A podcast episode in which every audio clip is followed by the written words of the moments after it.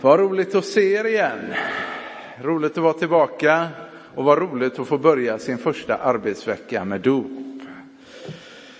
Kära vänner, vi har en gudstjänst idag. Anna-Maria har hälsat välkommen. Hon kommer att predika sen också.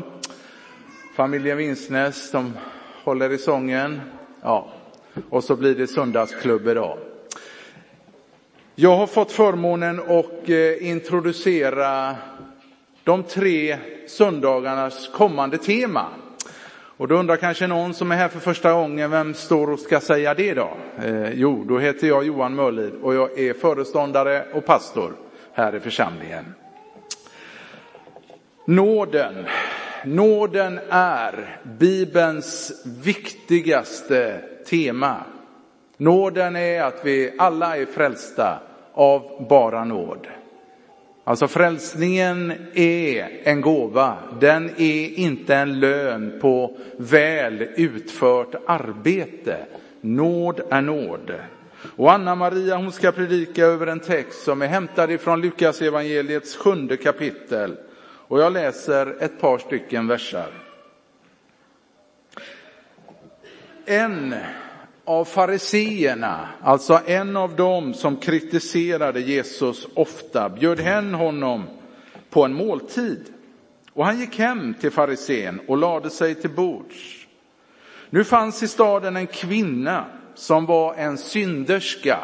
Och låt mig då säga att en syndare är en person som lever i tron utan, som inte lever i tron på Jesus Kristus.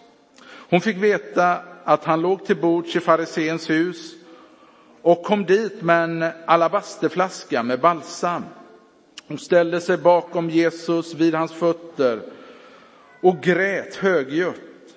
Hon började väta hans fötter och sina tårar med sina tårar och torkade dem sedan med sitt hår. Hon kysste hans fötter, smorde dem med sin balsam.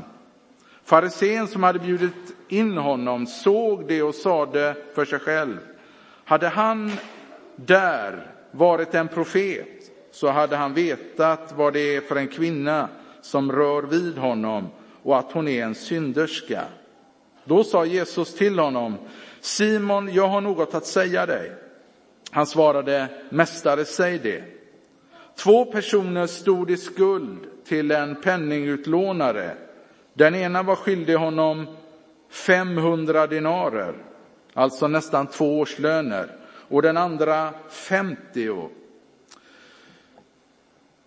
Vem av dem kommer nu att älska honom mest eftersom penningutlånaren efterskänkte skulden till de båda? Simon svarade, den som har fått mest efterskänkt, antar jag. Jesus sade, du har rätt. Sedan vände han sig mot kvinnan och sa till Simon, ser du den här kvinnan? När jag kom in i ditt hus gav du mig inget vatten för mina fötter, men hon har vett mina fötter med sina tårar och torkat dem med sitt hår. Du gav mig ingen hälsningskyss, men sedan jag kom in har hon inte slutat att kyssa mina fötter. Du smorde inte mitt huvud med olja, men hon har smort mina fötter med balsam. Därför säger jag dig, hon har fått förlåtelse för sina många synder. Det är därför hon visar så stor kärlek. Men den som fått litet förlåtet älskar lite. Sedan sa han till henne, dina synder är förlåtna.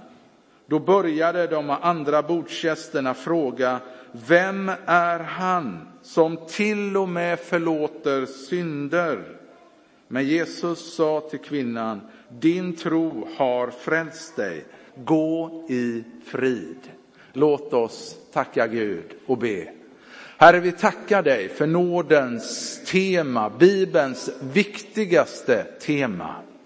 Tack Jesus Kristus för att du kom till den här jorden för att frälsa oss ifrån våra många synder. Och Herre, jag tackar dig för nåden. Denna dyrbara gåva, Herre, som inte kan göra oss, liksom vi kan göra oss förtjänt utav. Herre, tack gode Gud att du är här för att förlåta synder idag, Herre. Att du är här för att upprätta oss, Herre. Ställa oss upp, Herre. Ge oss en annan resning, Herre. Ta av det som tynger oss. Vi tackar och vi lovar dig, Herre. I Jesu namn. Amen. Ska vi se om vi har något ljud här? Ja, det hade vi. Jag jobbar i den här kyrkan sedan förra året, förra februari och har även under några år arbetat som spansk, spansklärare. Och när jag då undervisar mina elever så kan jag ju känna att jag går in varje lektion och så säger jag samma sak varje lektion. Och en del elever är så här, det här har vi aldrig hört. Fast jag vet att jag har sagt det flera gånger. Eh, och då kan man ju som lärare bli så här, lyssnar ni inte? Men det, är, det tar ju tag innan man får liksom in ett språk, det tar ett tag innan man får in undervisning. Och det ämne jag ska prata om idag, det är ett ämne som jag är ganska säker på att flera av er har hört många gånger. Men kan ni försöka vara lite som högstadieelever idag och tänka det här har jag aldrig hört. Så får det bli som en ny, nåden får liksom bli ny på något sätt. För när man hör saker flera gånger kan man tänka, ja, ja, men nu stänger jag av för det här vet jag redan. Försök att tänka lite, det här var fantastiskt. Nu hoppas vi, vet inte ni hur predikan blir, eh, men jag tänker själva ämnet är inte nytt. Men låt det på något sätt få bli nytt idag. För jag tror att när vi får tag på nåden igen och igen så gör det någonting med oss i våra liv. Är ni överens med mig om det?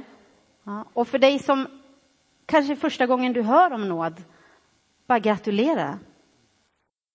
Försök lyssna och ta in Guds kärlek in i ditt liv idag. Jag ber om det. Jag ber Jesus att eh, du ska låta oss få uppleva nåden på ett nytt sätt idag. Du ser att vi, vi är många här som kanske har varit med om vad nåd är eh, och känner till det här. Nu ber jag att idag ska få bli en ny upplevelse av vad nåd är, som gör någonting, som förvandlar våra hjärtan. Jag vill också be för den som kanske känner att det här var ett nytt ämne för mig idag. Jag ber att du ska möta den personen på ett särskilt sätt. Amen. Nåd är ett kort ord. Tre bokstäver, N-Å-D. Men det är ett ord som innehåller otroligt mycket substans. Eh, och begreppet nåd är inte någonting bara som finns inom kyrkan eller inom kristna eh, termerna, utan det är någonting även juridiskt.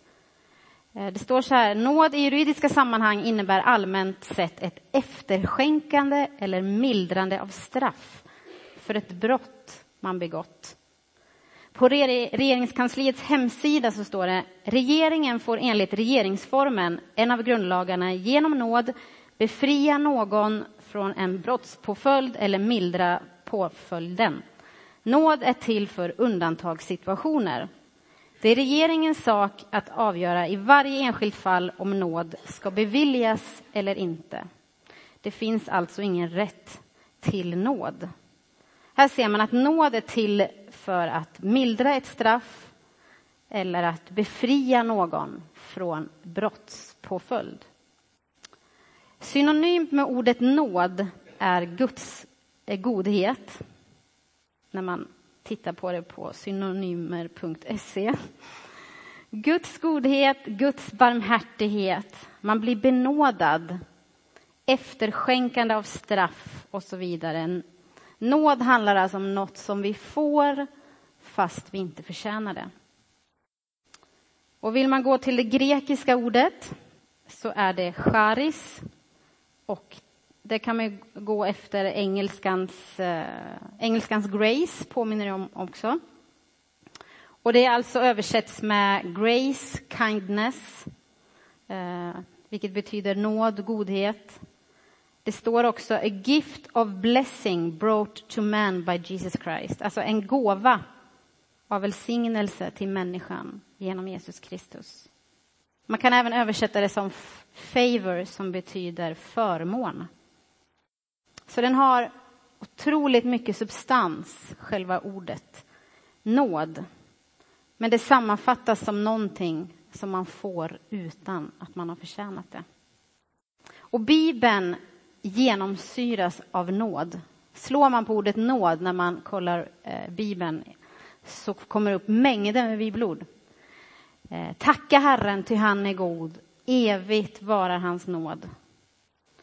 Din godhet och nåd ska följa mig varje dag i mitt liv. Ty så hög som himlen är över jorden, så väldig är hans nåd över dem som fruktar honom. Hör ni det återkommer? Till Maria så sa ängeln, var inte rädd Maria, du har funnit nåd hos Gud. Ordet blev människa och bodde bland oss och vi såg hans härlighet, en härlighet som den enda sonen får av sin fader. Och han var fylld av nåd och sanning. Han var fylld av nåd och sanning. Det finns alltså många, många ord om nåd. Och nåd är alltså det centrala för den kristna tron. Det är nåd som allting utgår ifrån. Att vi, vi får ta emot Guds kärlek utan att vi har förtjänat det. Gud, han kunde ha vänt ryggen åt oss när vi vände ryggen åt honom. Men han istället hela tiden sökte människan och söker fortfarande människan. Han söker dig och mig. Och till skillnad från många andra världsreligioner så i den kristna tron är det Gud som stiger ner till oss. Fast vi inte har gjort något. Alltså, vi har inte gjort något för att liksom förtjäna hans kärlek. I många andra religioner så behöver man kämpa, man behöver sträva för att på något sätt nå Gud. Men i den kristna tron stiger han ner till dig och mig för att han älskar oss så mycket. Och Det här kan vara svårt för oss att ta in. Vi lever i ett samhälle idag som är, eh, går stick i stäv med de här sakerna. För hela tiden tänker vi i vårt samhälle att vi presterar saker för att förtjäna någonting. Och hur ska vi då liksom switcha om i vår tro, i vår tanke, att du får Guds nåd fast du inte har förtjänat det. I Efesierbrevet 2 säger så här om nåd. Också er har Gud gjort levande, ni som var döda genom era överträdelser och synder. Tidigare levde ni på den här världens sätt och följde härskaren av luftens välde. Den ande som nu är verksam i olydnadens barn. Bland dem var vi alla en gång, när vi följde våra kötsliga begär och gjorde vad köttet och tankarna ville. Av naturen var vi vredens barn, precis som de andra. Det var liksom situationen. Men, står det, Gud som är rik på barmhärtighet har älskat oss med så stor kärlek. Även när vi var döda genom våra överträdelser har han gjort oss levande med Kristus. Av nåd är ni frälsta. Hör ni här? Men Gud som är rik på barmhärtighet. Inte jag som är så bra. Eller jag som har älskat med så stor kärlek. Det är han med sin stora barmhärtighet. Det är han som har älskat. Han har gjort oss levande med Kristus. That's big news. Det handlar alltså inte om vad vi har gjort utan om vad Gud har gjort. Ofta kanske vi tänker så här, men inte ska väl jag? Kan jag komma inför Gud med den jag är? Nej, kanske egentligen inte. Men Gud är full av nåd. Vi tänker, ja men bara jag skärper till mig så ska nog Gud kunna älska mig.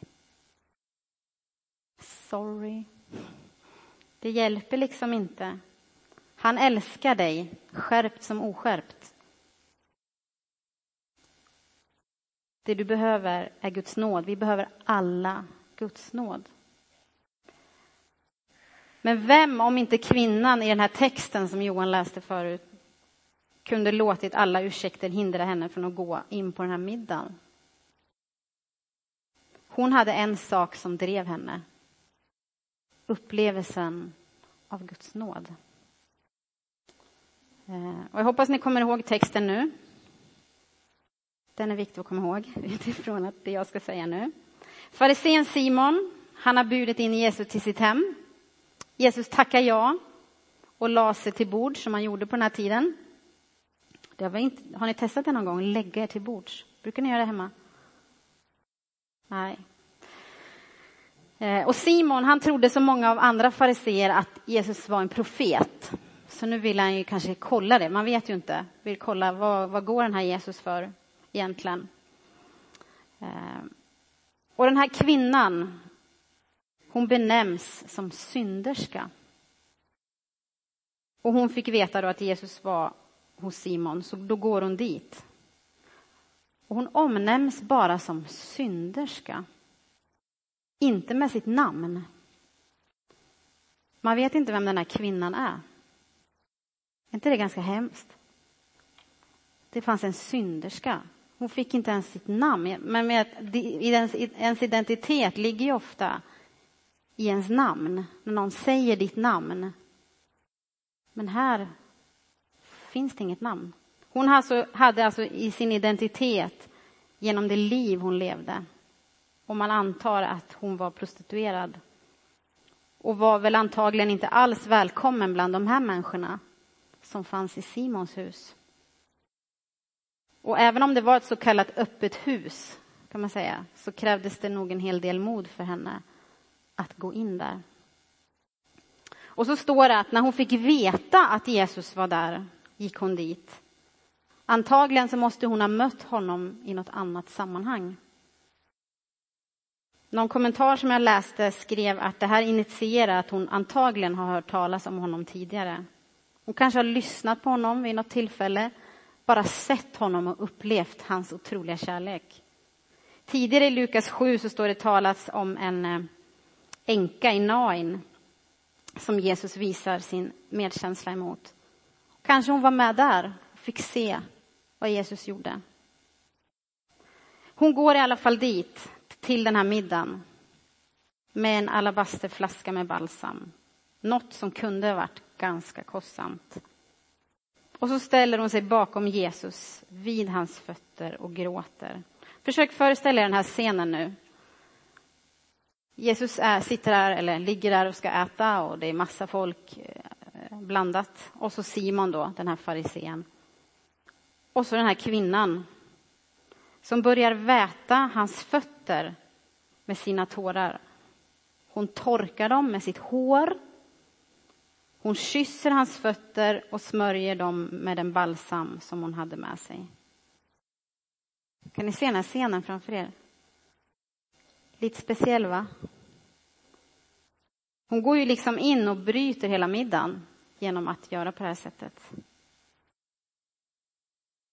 Och som jag sa innan så trodde Simon antagligen, farisén, att Jesus var en profet, men nu tänkte han Jesus kan omöjligt vara en profet eftersom han tillåter kvinnan att göra på det här sättet. Han borde ju se vilken typ av människa hon är och slängt ut henne. Och det gör han inte, alltså är han ingen profet. Och så vänder sig Jesus till Simon. Och då kanske Simon tänker så här, ja, men nu ska Jesus be om ursäkt för att han tillät kvinnan att göra på det här sättet. Men istället så talar han till Simon. Och så visar han Simon vad den här kvinnan faktiskt har gjort. Och genom den här liknelsen som Jesus berättar om vem som fick mest efterskänkt så faller liksom Simon på sitt eget grepp eftersom Jesus frågar vem av de här personerna älskade honom mest? Ja, antagligen den som fick mest efterskänkt.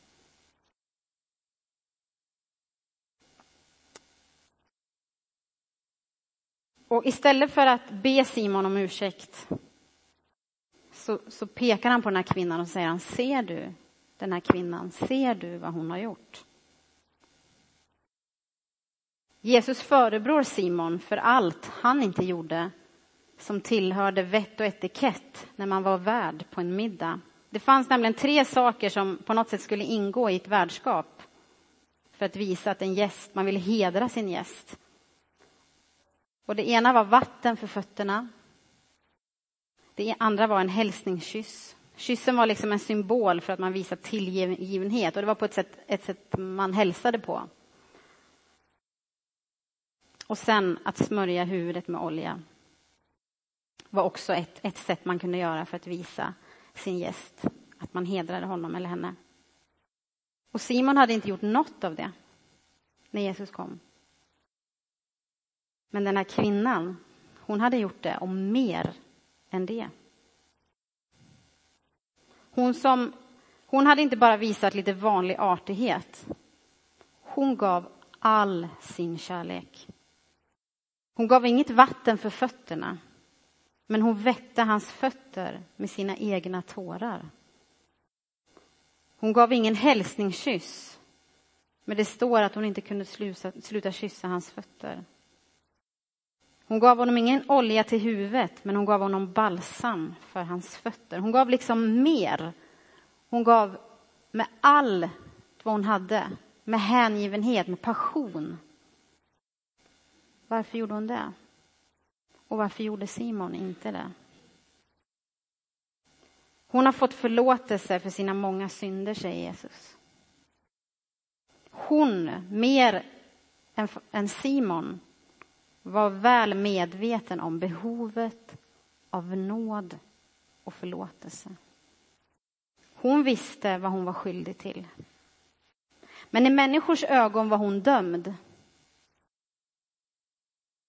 Hon var den här synderskan som inte kunde få nåd. Så tänkte man säkert om henne. Hon är ju förlorad. Men där och då, på, vid det här tillfället, så förlåter Jesus hennes synder och ber henne att gå i frid. Och då tänker man, tänk om man hade suttit där och bara tänkt det här är ju fantastiskt. Tänk att han förlåter henne hennes synder. Det är ju stort. Hon blir fri och glad. Men istället så börjar folk fundera, vem är han egentligen? Som kan förlåta synder. Vem tror ni gick mest glad ifrån den här middagen? Simon eller kvinnan? Retorisk fråga, va? Troligen så fanns det förväntningar hos Simon eftersom han hade bjudit hem Jesus. Att han skulle liksom få, få med sig något. Han fick med sig något, men kanske inte det som han hade trott. För Simon var inte helt medveten om sitt behov av förlåtelse. Han tyckte säkert att han levde ett ganska rätt och rent liv. Och att Jesus kanske skulle eh, imponeras av det. Han trodde väl aldrig att en prostituerad kvinna skulle komma och stjäla uppmärksamheten. Men hon, synderskan, var den som gick befriad ifrån den här samlingen. Och hon, försökte, hon försökte inte förtjäna förlåtelse. Hon gjorde inte de här handlingarna för att hon hade eh, för att hon liksom på något sätt skulle förtjäna Jesu kärlek. Det hon gjorde, det var ett uttryck för att hon hade blivit förlåten. Tänk när man landar i vad nåden innebär. Vad det kan skapa tacksamhet i ens liv. Att vi lever våra liv utifrån att vi är förlåtna för vår synd och våra brister. Och att vi inte försöker kämpa själv för att förtjäna Guds kärlek. Vilket vi ofta, ofta landar i, tror jag, eller hamnar i. Som en utmaning till dig idag, att försöka sluta kämpa och tro att du kan förtjäna Guds kärlek genom de goda saker du gör. Det är utifrån att du lever i nåden, att du har tagit emot nåden, som förvandlar dig och som gör att du vill göra de här goda gärningarna. Den här kvinnan hon hade haft alla skäl att gå förbi det huset den här dagen. Det fanns, så mycket, det fanns så mycket som talade emot henne och hennes närvaro där. Men det som drev henne, det var hennes kärlek till Jesus. Att hon hade fått möta nåden. Och då kunde hon inte göra något annat än att visa sin tacksamhet. Visa sin respons, för hon var totalt förvandlad. Det spelar ingen roll hur lång meritlista vi har eller icke meritlista. Vi behöver alla nåd.